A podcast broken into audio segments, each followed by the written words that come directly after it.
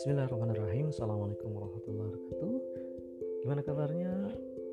Uh, Smart Student Ketemu kembali di edisi podcast kali ini. Kita akan kembali membahas tentang soal UTBK di mata pelajaran geografi.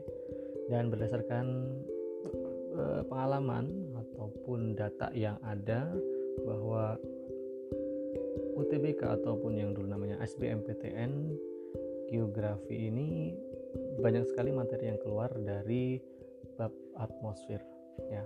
Salah satu yang paling banyak keluar adalah pada topik ini topik atmosfer. Maka di kesempatan kali ini kita akan bahas 40 soal berkaitan dengan fenomena atmosfer. Baik kita awali dari soal yang pertama. Oh ya kalian bisa dapatkan soalnya di link yang sudah tersedia di deskripsi Soal nomor satu, di atmosfer unsur gas permanen terbanyak adalah pilihannya ada lima, oksigen, nitrogen, argon, karbon dioksida ataupun ozon. Jawabannya adalah nitrogen. Kalau kita urutkan, yang pertama adalah nitrogen, kemudian yang kedua baru oksigen, yang ketiga argon, baru yang keempat karbon dioksida. Ya. Ozon, nah ozon ini bukan gas permanen ya, atau bukan gas yang terdapat di uh, lapisan troposfer ya. Dan jumlahnya sangat sedikit. Kita lanjutkan ke nomor 2 lapisan atmosfer yang merupakan tempat terjadinya peristiwa-peristiwa cuaca terletak pada ketinggian. Nah lapisan cuaca atau peristiwa cuaca ini terjadi di lapisan yang namanya lapisan troposfer lapisan troposfer ini ketinggiannya beragam antara 0 sampai 12 atau bahkan ada yang eh, berkisar di ketinggian 18 km ya untuk beberapa tempat seperti di daerah Katulistiwa. Ya, maka jawabannya adalah yang E 0 sampai 18 km. Kemudian kita beralih, ke nomor 3 untuk menghindari gangguan cuaca. Pesawat udara yang bermesin jet biasanya terbang di wilayah titik. Nah, Eh, pada kondisi normal pesawat terbang itu berada di lapisan yang paling rendah atau troposfer. Nah, untuk menghindari gangguan cuaca maka harus menghindari lapisan itu sehingga kita naik ke satu tingkat di atasnya troposfer ya ini lapisan stratosfera. Jawabannya B. Berikutnya nomor 4. Konsentrasi gas ion dan ozon di atmosfer berfungsi sebagai titik-titik. Apakah pemantul gelombang bunyi? Uh, pemantul gelombang bunyi itu lebih uh, jawabannya ke lapisan ini ya. Apa namanya? Ionosfer ataupun uh, termosfer ya. Kemudian kalau yang penghambat sinar tembus radiasi matahari hmm, sinar tembus radiasi matahari. Bukan penghambat ya. Justru konsentrasi gas ion dan ozon ini bisa menjadi penghambat masuknya radiasi ultraviolet. Maka jawaban yang paling tepat sepertinya yang ya filter pelemah radiasi matahari atau radiasi inframerah. Eh kok inframerah? Radiasi ultraviolet. Kita lanjut ke nomor 5. Perbedaan yang paling mendasar antara cuaca dan iklim adalah ini ada empat pilihan. Ini soal tipe C ya. Satu waktu, dua temperatur, tiga wilayah, empat curah hujan. Baik, kita lihat satu persatu waktu itu bisa e, menjadi pembeda ya karena e, cuaca itu terjadi pada waktu yang sangat cepat kemudian kalau iklim itu uh, waktunya dalam jangka waktu yang lama. Untuk temperatur sama iklim dan cuaca sama-sama ada unsur temperatur. Wilayah juga sama. Oh beda beda beda.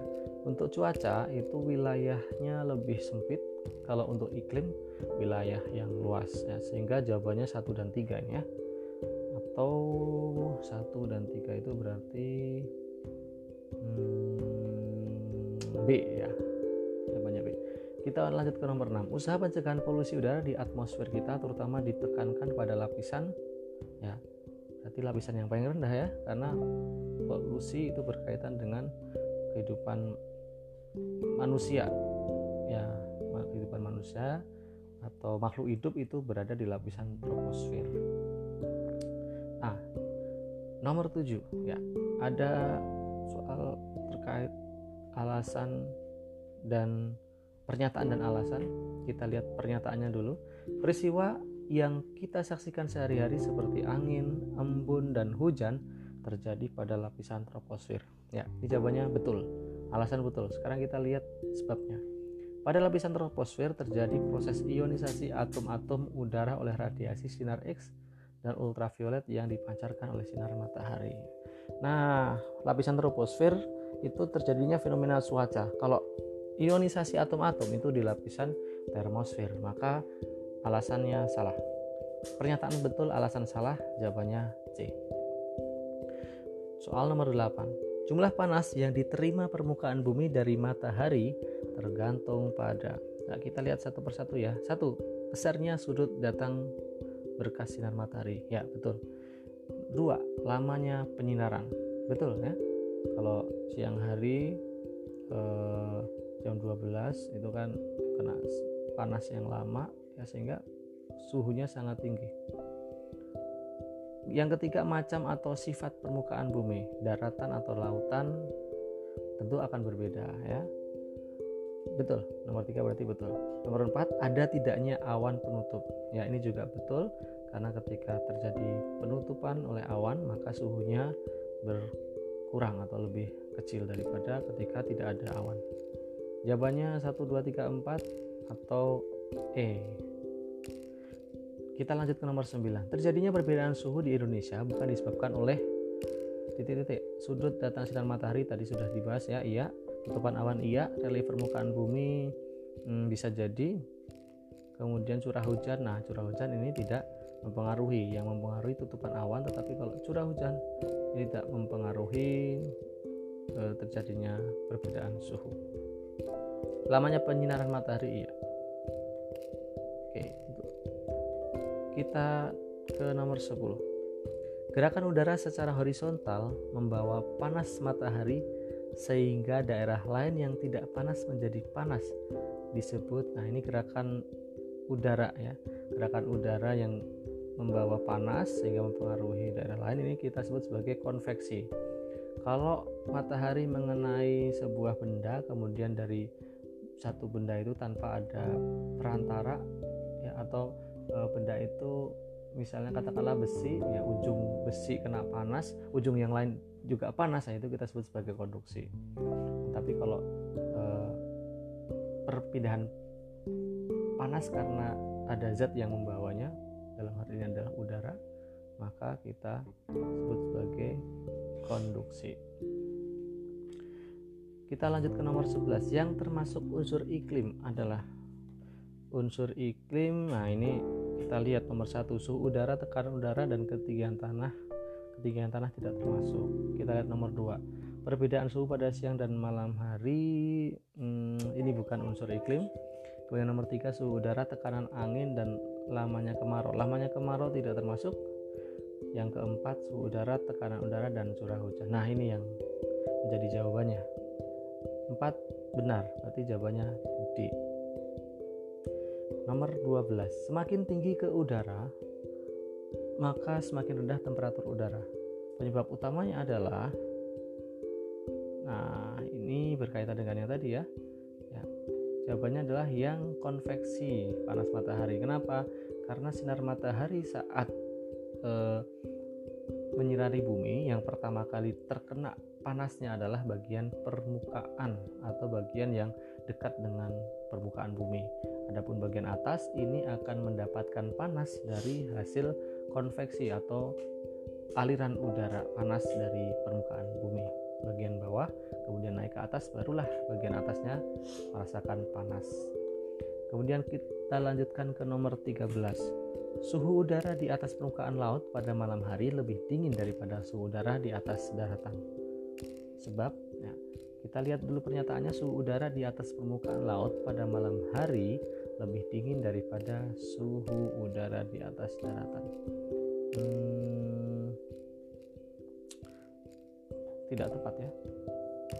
permukaan laut pada malam hari harusnya lebih panas karena malam hari ini susah ketika di malam hari ini air sifatnya kan e, cenderung untuk mengikat menahan panas lebih lama ya jadi ketika malam daratan kondisinya dingin justru lautan ataupun perairan ini masih hangat ya. kemudian sebab udara di atas permukaan laut pada malam hari dipengaruhi oleh penguapan air laut. Ini juga tidak tepat ya. Pernyataan salah, kemudian alasannya juga salah, maka jawabannya E. Kita lanjut ke nomor 14. Tekanan udara terjadi akibat udara memiliki massa. Besarnya tergantung pada tiga faktor, yakni ya kita lihat satu persatu. A. Suhu, uap air dan kekeringan. Suhu, uap air dan kekeringan, bukan ya? Oke langsung ke jawabannya ya. Jawabannya adalah yang C. Jadi eh, tekanan udara itu dipengaruhi oleh tiga hal. Yang pertama adalah suhu, yang kedua adalah uap air atau kelembaban, yang ketiga adalah ketinggian tempat. Nah kalau yang B ini juga benar, tapi uap air dan kelembaban kan sama, sesuatu yang sama. Maka bukan B. Demikian pula yang D, kelembaban sudah disebutkan, uap air disebutkan lagi, maka bukan jawabannya. Kita lanjutkan ke nomor 15. Pernyataan. Semakin tinggi suatu tempat dari muka air laut, semakin tinggi temperatur udara tempat itu. Nah, ini salah ya. Semakin tinggi suatu tempat, maka temperaturnya harusnya semakin rendah karena tadi uh, terkait dengan konveksi. Kemudian sebabnya, daratan mempunyai sifat yang mudah menerima dan menyerap panas dan mudah pula melepaskan. Ya, kalau ini benar. Pernyataan benar, alasan eh pernyataan salah, alasan benar. Maka jawabannya adalah yang D. Kita lanjut ke nomor 16. Amplitude suhu tahunan menjadi bertambah besar di daerah titik-titik. Oke, kita lihat nomor satu yang letaknya makin jauh dari katulistiwa. Kita contohkan amplitude suhu tahunan tinggi itu terjadi di daerah gurun ya, di Arab Saudi sana. Nah, itu kan daerahnya jauh dari katulistiwa ya hmm, tidak terlalu jauh sih ya tapi kalau kita lihat wilayah yang uh, suhu amplitudo suhu tahunan tinggi itu biasanya daerah yang jauh dari katulistiwa kemudian yang kedua letaknya makin jauh dari pedalaman daratan dan pulau. Ini sepertinya bukan. Kemudian yang ketiga di mana pengaruh laut makin kecil. Daerah di mana pengaruh laut makin kecil. Ya sepertinya yang ini ya. Satu benar tiga benar. Maka jawabannya yang B. Ya kemudian kita lanjut ke nomor 17 daerah yang mempunyai tekanan udara minimum pada umumnya terdapat di daerah apakah katulistiwa kutub utara kutub selatan subtropik atau iklim sedang. Nah daerah yang tekanan udaranya minimum itu disebabkan karena tekanan panas atau suhu udaranya besar ya. Dan suhu udara besar itu tentu terdapat di katulistiwa nah karena tekanan udara semakin besar suhu udara tekanannya semakin minimum. Nah, kita lanjut ke nomor 18 pada daerah tropis, setiap kenaikan tempat 100 meter disertai dengan penurunan suhu sebesar Nah, tentu eh, jawaban ini akan berbeda ya ketika kita praktekkan atau kita ukur di suatu tempat. Bisa jadi sudah berubah data ini diambil dari beberapa tahun yang lalu penelitiannya. Tapi eh, pengetahuan kita biasa yang biasa kita ketahui adalah bahwa setiap 100 meter kenaikan ini disertai penurunan suhu sebesar 0,6 derajat Celcius. Ya jawabannya yang B Nomor 19. Daerah-daerah yang merupakan daratan luas mempunyai amplitudo. Nah, ini kita contohkan lagi di daerah Arab Saudi sana atau di daerah hmm, yang berukuran luas benua seperti Australia atau daerah-daerah yang ada gurunnya gitu ya. Nah, amplitudo titik-titik ya. Apakah amplitudo suhu harian rendah? Ya, bukan rendah ya suhu hari, su, amplitude suhu harian rendah itu maksudnya gini ketika malam hari dingin maka siang hari tidak terlalu panas. Nah itu rendah. Tapi kalau di daerah gurun itu pagi atau malam hari itu dingin sekali kemudian siang hari itu panas sekali. Nah itu namanya amplitudo hariannya tinggi. Berarti jawabannya adalah yang B. Kita lanjut ke nomor 20 angin di belahan bumi utara mengalami pembiasan ke kanan dan mengalami pembiasan ke kiri di sebelah selatan. Hukum ini dikemukakan oleh nah ini sangat terkenal. Ini adalah bagian dari hukum Wisbalot ya. Kalau Smith and Ferguson ini tentang uh, klasifikasi iklim berdasarkan apa itu namanya? Berdasarkan uh, curah hujan dan suhu ya curah hujan ya kemudian Junghun itu berdasarkan ketinggian Koppen berdasarkan uh, suhu udara kemudian 21 dua hal yang perlu diperhatikan dalam mempelajari angin. Nah, yang perlu diperhatikan tentu adalah yang berkaitan dengan fenomena arah angin dan kecepatan angin. Ya. Untuk angin pasat, angin muson, angin darat, angin laut itu jenis-jenis angin. Tetapi di antara itu semua yang perlu dikaji atau yang perlu diteliti biasanya adalah berkaitan dengan arah angin, kecepatan angin. 22. Alat untuk mengukur kecepatan angin adalah apakah termometer, anemometer, barometer? Ya. Untuk kecepatan angin ini kita kenal dengan anemometer ya. Anemometer hmm, atau jawabannya yang B. Ya. C ya. Ini di uh, dikunci jawabannya salah. Oke, kita lanjut ke nomor 23. Kecepatan angin dipengaruhi oleh apakah gradien temperatur? Hmm, bukan ya. Ketinggian tempat? Bukan juga. Isoterm bulanan? Bukan. Jawaban yang paling tepat adalah yang 4. Gradien barometris. Maka jawabannya yang D. Kita lanjut ke nomor 24 Angin yang berhembus terus-menerus dari daerah subtropika utara dan selatan menuju Katulistiwa disebut angin uh, angin muson atau angin barat atau angin timur. Jawabannya adalah angin pasat ya. Angin yang berhembus dari arah uh, tadi subtropik ke arah Katulistiwa itu angin pasat. Kalau angin muson itu angin yang berhembus bergantian arah secara terus-menerus ya. Kita lanjut ke nomor 25 ada pernyataan dan alasan kita baca satu persatu. Pernyataan angin muson tenggara terjadi pada bulan April Oktober. Betul ya? Betul kemudian alasannya pada bulan April Oktober matahari berada pada belahan bumi utara. Benar sekali. Jadi ketika bumi, ada matahari ada di sisi utara ini gerak semua ya maka eh, tadi ketika banyak terkena panas matahari tekanan menjadi minimum. Nah, saat tekanan minimum maka angin akan berhembus menuju ke arah daerah tersebut. Nah maka jawabannya eh, pernyataan benar alasan benar jawabannya adalah A kita lanjut ke nomor 26 angin kering yang bertiup dan bersifat merusak di daerah biak disebut dengan angin titik-titik. Nah, ini secara umum angin yang dimaksud adalah angin Von. ini tapi jawabannya salah ya. Di kunci jawaban sini yang warna merahnya angin Von. Sebenarnya angin Von ini ada banyak namanya di beberapa daerah yang berbeda. Di Cirebon, angin Von ini dikenal sebagai angin kumbang.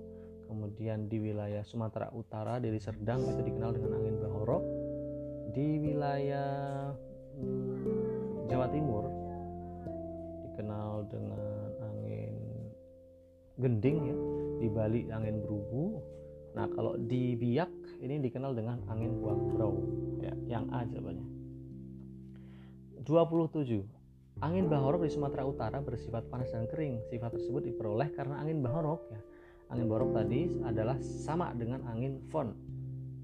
Kenapa sifatnya kering? Karena jawabannya adalah yang ya, bergerak turun setelah menjatuhkan hujan. Makanya disebut angin fon. Fon itu anginnya artinya angin jatuh. Jadi jawabannya yang A. Lanjut ke nomor 27, 28. Pada bulan Desember dan Januari, nelayan pantai utara Jawa tidak mau melaut karena gelombangnya besar. Betul ya, karena bulan-bulan tersebut memang gelombangnya besar sehingga nggak pada enggan untuk melaut. Sebabnya apa? Sebabnya pada bulan ter, eh, Desember dan Januari angin barat melintasi pantai utara Jawa. Ya, jawabannya betul. Alasan betul, pernyataan betul. Maka jawabannya adalah A. Kita lanjut ke nomor 29. Indonesia bagian timur, terutama daerah Nusa Tenggara Timur, beriklim awi.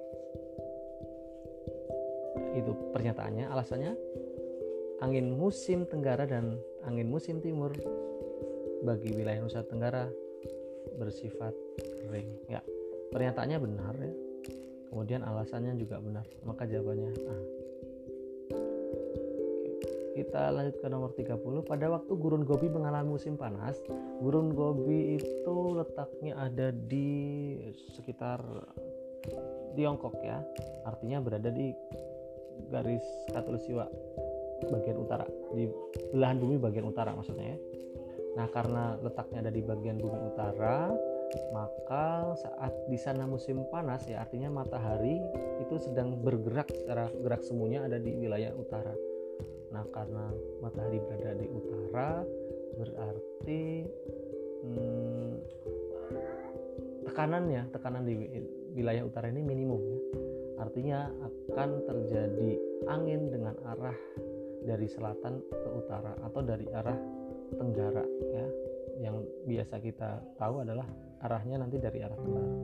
Karena Indonesia letaknya ada di uh, bagian tenggara dari Asia ya benua Asia. Sehingga uh, angin ini disebut dengan angin pasat tenggara begitu ya. Uh, pernyataan pernyataan tadi benar. Kemudian alasannya terjadi musim kemarau di Indonesia dipengaruhi oleh angin pasat tenggara ya angin pasat tenggara ini betul sekali terjadi musim kemarau yang mengakibatkan musim kemarau karena sifat anginnya tidak banyak membawa uap air ya. Berbeda dengan angin muson barat yang membawa uap air dari samudra India. Alasan benar? Pernyataan benar alasan benar. Jawabannya A nomor 31 di Indonesia bagian barat bulan Juli atau Agustus merupakan bulan kering. Apakah benar? Bulan Juli Agustus. Ya Juli dan Agustus itu bulan kering. Bulan basahnya itu mudah diingat ya. Yang pakai ber ber ber, ber itu bulan basah. September, Oktober, November, Desember, lanjut Januari dan Februari sebagian atau bahkan sampai Maret kadang masih basah gitu ya. Tapi untuk memudahkan kita mengingat saat ber ber ber, ber itu bulan basah. Nah, di bulan Juli Agustus ini bulan kering betul ya. ya. Pada bulan alasannya pada bulan Juli dan Agustus atau Agustus di wilayah Indonesia bagian barat bertiup angin muson tenggara. Ya, betul. Pernyataan betul, alasan betul, maka jawabannya A. Kita lanjut ke nomor 32. Angin gending termasuk angin zenital. Angin gending tadi kita uh, ulangi ya. Ini termasuk angin fon atau angin jatuh yang terjadi di wilayah Malang, Jawa Timur ya. Nah, termasuk angin fon bukan angin zenital. Maka pernyataannya ini salah ya. Alasannya, angin zenital merupakan angin lokal yang mempunyai sifat panas dan kering serta bersifat menghisap air dari tumbuh-tumbuhan. Nah, ini juga salah. Kalau ini diganti dengan angin fon, maka dua-duanya benar ya, baik pernyataan maupun alasannya. Tapi karena ini disebut diganti dengan angin genital maka jadi salah semua jawabannya E nomor 33 angin darat adalah angin yang bertiup dari darat ke laut pada sore hari hmm, betul ya. Ketika pagi hari sampai siang itu angin laut sedangkan sore itu angin darat. Sebabnya pada sore hari tekanan udara di darat lebih tinggi daripada di laut. Ya betul sekali. Jadi ketika siang hari karena daratan itu lebih cepat menerima panas ya. Sedangkan lautan ataupun perairan itu lama menyerap panasnya maka daratan lebih uh, panas dulu. Nah, lebih apa namanya lebih lebih cepat panas tekanannya kecil. Nah pada pagi hari daratan kedatangan angin dari laut. Nah pada sore hari kebalikannya. Sore hari daratan itu sudah melepaskan panas sedangkan perairannya masih menyimpan panas. Nah sehingga tekanan di laut dan di darat itu lebih besar tekanan di laut. Bakal eh kebalik tekanan di laut itu lebih kecil daripada tekanan di darat ya pada saat sore hari ini. Maka angin berhembus dari darat ke laut. Atau disebut angin darat. Maka pada sore hari sampai malam hari nelayan beramai-ramai berangkat menuju ke tengah laut untuk mencari ikan. Nah itu. Kita bisa mengingat membantu ingatan kita dengan fenomena nelayan yang berangkat ber, be, bekerja pada malam hari. Artinya terjadi angin darat itu pada malam hari.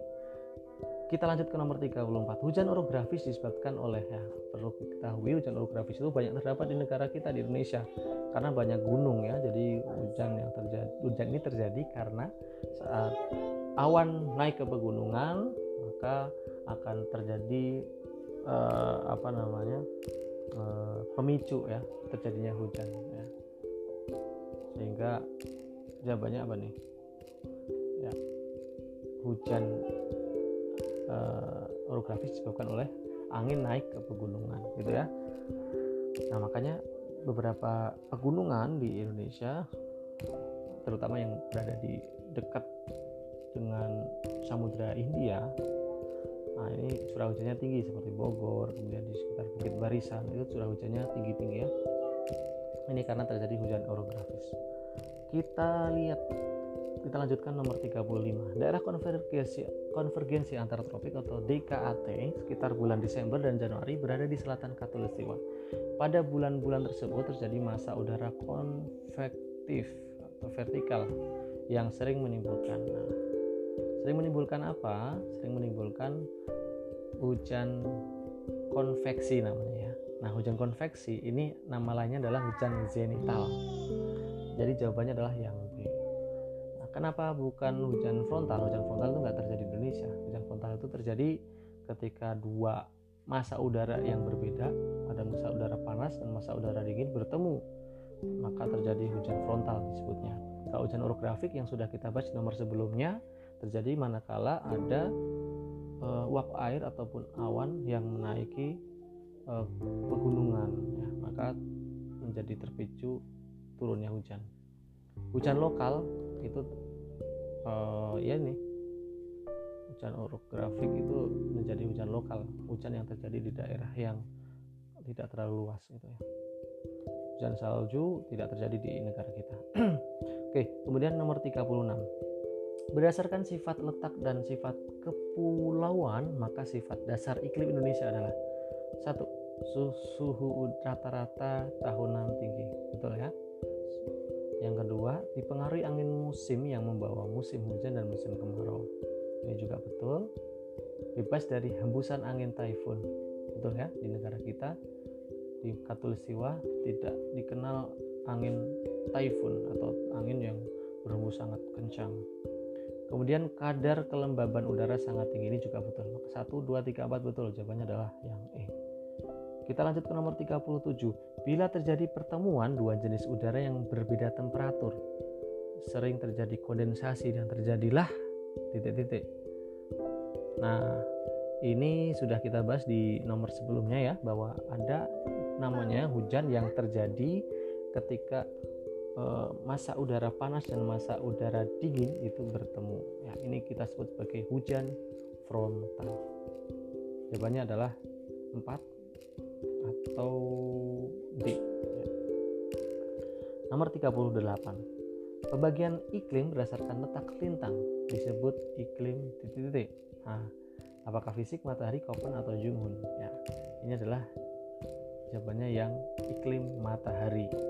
Kenapa disebut iklim matahari? Karena e, letak lintang ini kan dipengaruhi nantinya e, dipengaruhi oleh gerakan semu matahari itu dari letak lintang itu akan mempengaruhi perbedaan penerimaan sinar matahari suatu wilayah dengan wilayah lainnya. Maka iklim yang berdasarkan letak lintang disebut iklim matahari kita lanjut ke nomor 39 klasifikasi iklim atas dasar ketinggian tempat dirumuskan oleh nah ini jawabannya adalah Junghun ya. Junghun ini mengklasifikasikan iklim berdasarkan ketinggian tempat dan jenis tanaman ya. bukan hanya ketinggian aja ya tapi jenis tanamannya juga dibedakan. Jadi kalau kita jalan-jalan ke dataran rendah yang ketinggiannya 0 sampai 600 ya ini biasanya kita temui kayak padi, jagung, tebu gitu ya. Kemudian 600 ke atas sampai ketinggian sekitar uh, eh, 1500 kita akan temui tanaman seperti sayur mayur gitu ya teh kopi ya. Nah nanti di ketinggian 1500 sampai 2000 beda lagi. Nah Junghun ini seorang bangsawan berasal dari Jerman atau Belanda ya. Nah ini meneliti Indonesia pada masa lalu dan membandingkan ataupun mengklasifikasikan ketinggian tempat dan suhu serta e, jenis tanaman yang hidup pada suatu daerah nomor 40 atau terakhir ya. Sesuai dengan kondisi fisiknya terutama iklim, usaha pertanian yang patut dikembangkan di provinsi NTT adalah Nah, kalau kita lihat iklimnya, maka Provinsi Nusa Tenggara Timur ini kan termasuk daerah yang curah hujannya sangat rendah. Tadi kita juga bahas berdasarkan iklim Koppen juga termasuk iklimnya AW. AW itu A itu uh, tropis, W itu wet. tropis dan kering gitu ya. Nah, maka kita akan berpikir kalau di NTT itu kekurangan air itu sudah pasti ya. Airnya sangat sedikit. Nah, karena air sedikit atau hujannya sangat kurang, maka di sana tidak banyak tanaman yang bisa tumbuh dengan optimal kecuali tanaman yang seperti rumputan, tanaman semak belukar gitu ya. Nah, yang cocok untuk dijadikan uh, apa namanya budidaya ya maka kalau ada semak belukar rumput gitu ya cocoknya adalah budidaya ternak. Maka jawabannya adalah peternakan sapi potong.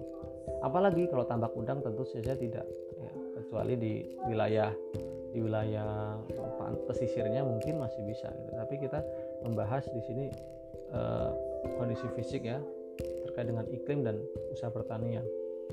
Nah, kemudian pertanian lahan kering ini juga masih memungkinkan. Karena dengan kondisi yang kering, kondisi yang kekurangan air, ini ketika pertanian lahan kering dibudidayakan di NTT eh, kemungkinan masih bisa berkembang.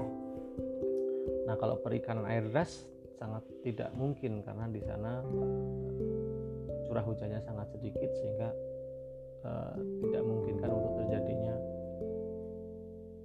atau budidaya ikan air deras itu tidak mungkin dilakukan. Oh ya untuk tambak udang juga sepertinya sangat sulit ya karena tambak udang ini kan harus dilakukan di daerah pertemuan antara air tawar dengan air laut ya air payo. Nah sedangkan di Nusa Tenggara Timur eh, ada kemungkinan sungai-sungainya tidak seperti sungai-sungai yang ada di Indonesia yang memungkinkan terjadinya air payo ya maka tambak udang sepertinya bukan jawaban yang tepat. Oke satu dan tiga atau jawabannya adalah B baik itu soal ataupun pembahasan terkait soal UTBK mata pelajaran geografi pada topik pembahasan atmosfer. Sampai ketemu di edisi podcast berikutnya. Assalamualaikum warahmatullahi wabarakatuh. Semoga bermanfaat.